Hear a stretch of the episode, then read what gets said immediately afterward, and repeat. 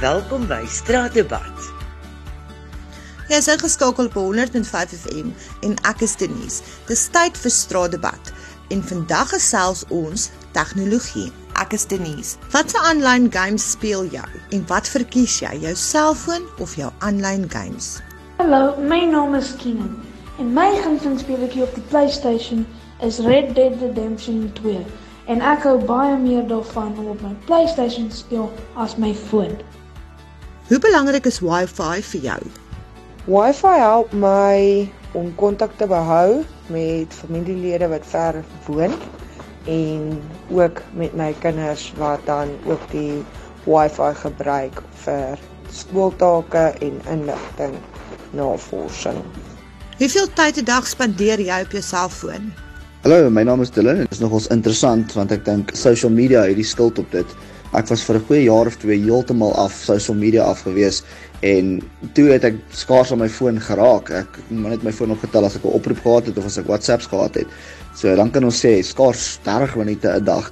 Nou dat ek myself weer terug op social media gesit het, nou raak my curious en mens scroll rond en mens kyk video's. So ja, nou uh, mors ek definitief tyd op my foon en nou is dit maklik 2 tot 3 ure 'n dag soms as ek niks het om te doen nie. Hoeveel ure 'n dag mag jou kind aanlyn games speel? Goeiemôre Denise. Weet jy wat? Ons het 'n reël dat ons seun wat nou 13 jaar oud is, net naweke op sy rekenaar mag speel. So hy het Saterdag mag hy speel soveel as wat hy wil. Sondag is grootendeels familietyd, maar ons laat hom wel toe om so 'n bietjie in die oggend te speel en dan weer 'n bietjie in die middag. Tensy dit nou eksamentyd is. En natuurlik Vrydag aande as ons nie funksie aan het of iets nie. Maar nie gedurende die week nie, glad nie in die, in die week nie. Vakansietyd is dit nou 'n ander storie. Dan moet ons dit bietjie meer reguleer. Maar tydens skooltyd is dit maar net Vrydag, Saterdag en Sondag spesifieke tye. Volgens jou, wat is die regte ouderdom vir 'n kind om 'n selfoon te kry? Ek dink die groot vraag wat mens eers vir jouself moet vra is om watter rede jy vir jou kind 'n foon gee en en dat dit dan eintlik leidend is in wanneer jy voel jou kind het 'n foon nodig. As dit gaan oor 'n kind met jou in die hande kry of met jou kan kommunikeer, dan sou dit seker vroeër kon wees. My gevoel is dat hulle nie eintlik op 'n jong ouderdom 'n foon nodig het nie.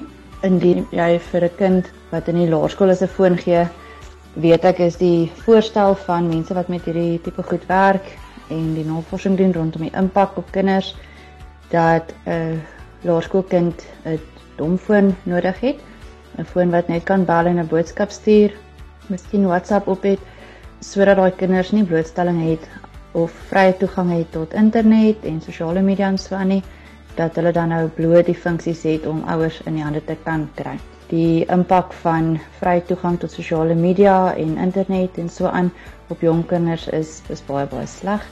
En ehm um, selfs vir hoërskoolkinders as hulle net wat toegang tot die goed het en hulle toegang tot dit sosiale media apps, dan sal ek steeds sê moet dit deur ouers bietjie gemonitor word en aan um, leiding gebied word vir die gebruik daarvan. Ek sien maar net dat hoe groot die impak is van hierdie tipe goed op die kinders se lewens met polery, blootstelling aan pornografie en ander dinge wat hulle nie noodwendig gaan soek nie, maar wat vrylik beskikbaar is en die impak wat dit dan het. So ja, nee, ek dink dat 'n kind het nie voor hoërskool 'n foon nodig andersins vir kontak nie. En selfs dan moet daar maar 'n bietjie leiding en begeleiding wees van die ouers se kant af, sowel as weet om om dinge te blok wat wat die kinders noodwendig blootgestel of aan te word nie. So ek dink dit is iets wat nie op 'n vrouderdom aan 'n kind aan 'n kind oorgelaat behoort te word om die verantwoordelikheid daarvan te moet dra nie. Maak seker jy bly ingeskakel op 100.5 FM en luister weer donderdag vir Straatdebat.